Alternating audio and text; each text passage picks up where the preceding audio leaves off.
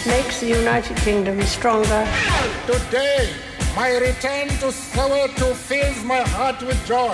Ladies and gentlemen, welcome to London Heathrow's Terminal 5. John Carlin, bon dia.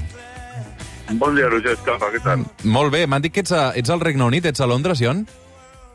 Sí, estoy en Londres. eh, vine a... Bueno, se murió un amigo y tuve que venir al funeral. Básicamente un poco triste. Bueno, bastante triste. Pero bueno, pero por lo demás aprovechando. Estoy aquí y viendo amigos eh, que siguen vivos y coleando. Mm. John, eh, suposo que estàs pendent de, del Mundial amb, amb Anglaterra encara donant toms i, i, evidentment, avui amb tots els focus posats a, a l'Argentina, que se n'ha sortit, malgrat aquest debut eh, horrorós, doncs s'ha classificat eh, i avui se les veurà amb, amb Austràlia. Sí, bueno, mira, primero los resultados de este mundial han sido. Primer- bueno, Ayer, antes del partido, no lo vi, pero antes de Camerún-Brasil dije a que gana Camerún y ganó Camerún, o sea, demencial los resultados que ha habido. Pero yo de repente, no sé, tengo la idea de que dentro de todo este esta locura y el surrealismo de que se celebre todo esto en Qatar, tengo la sensación de que Argentina va a ganar el torneo. Pero, no sé, igual, claro, sigue con la lógica, la ilógica y pierden ahora contra Australia. Pero hay algo que me hace sentir que, que Messi está, está creciendo en confianza, en rapidez y todo, y que hoy, hoy apostaré por Argentina. Carai, eh, John, em sorprèn aquest optimisme desbordat, eh? Bueno, mira, o sea, dentro del el gris aquí de Londres y el frío hay que buscar algún refugio de, de algo, de esperanza. Mm. Em, España no lo veo. Por Argentina es el equipo que yo siempre quiero que gane y bueno, aquí hay, ahí está. Escolta'm, John, aprofitant que ets a Londres, ara parlàvem de la família reial espanyola um, i sentíem uh, a la Vicky.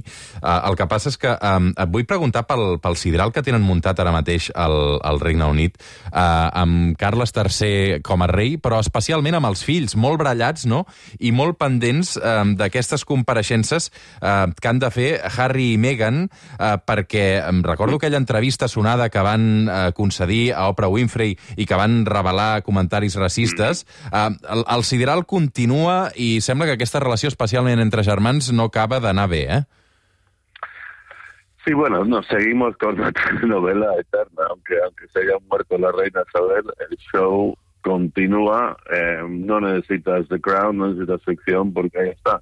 Carlos, eh, el nuevo rey Carlos, creo que la gente ya ha tomado conciencia de él más que nada porque ahora con el Mundial cantan, la selección canta God Save the King, en vez de Queen, eh, pero por lo demás no se lo ha visto, creo que lo tienen encerrado en un armario, si te acuerdas al principio, como metió la pata dos o tres veces, ¿no? Sí, ¿Te acuerdas que amb, amb la presa de possessió, sí, sí. enfadó con su bolígrafo, con su pluma, se puso a chillar y no sé qué. Y creo que le dijeron, mira, mejor a este lo, lo, lo, lo- lo alejamos del- de la luz pública. Y no se lo ha visto para nada. Camila sale un poco más.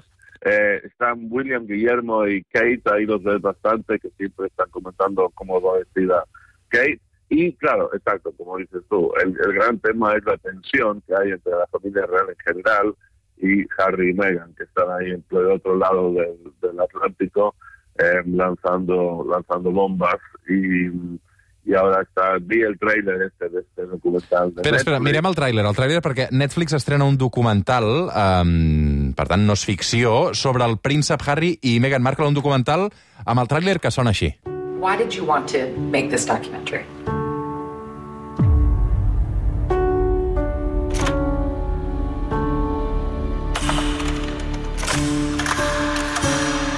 Què et va semblar l'avançament, John?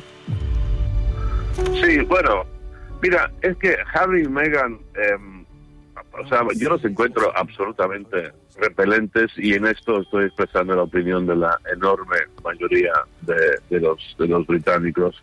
Eh, básicamente los han- se han autoexiliado de la familia real y pero están viviendo de el hecho de que tienen esa conexión con familia real y buscan cualquier pequeña historieta, por más inocua que sea, para generar lío y acusaciones de, racismo que hasta ahora no han dicho quién, eh, quién, quién- porque dijo, dijo alguien, dijo, eh, ¿te acuerdas cuando antes de que naciera su primer hijo comentaron que alguien de la familia real se preguntó de qué color de piel iba a salir el niño y que esto se interpreta como un terrible racismo. Bueno, se, se agarran a, a cositas así, no pues como esta, intentan generar un- una gran montaña de, de, de- de líos y de polémica, y de esto viven, y de esto, de esto ganan dinero, de Netflix y, y tal.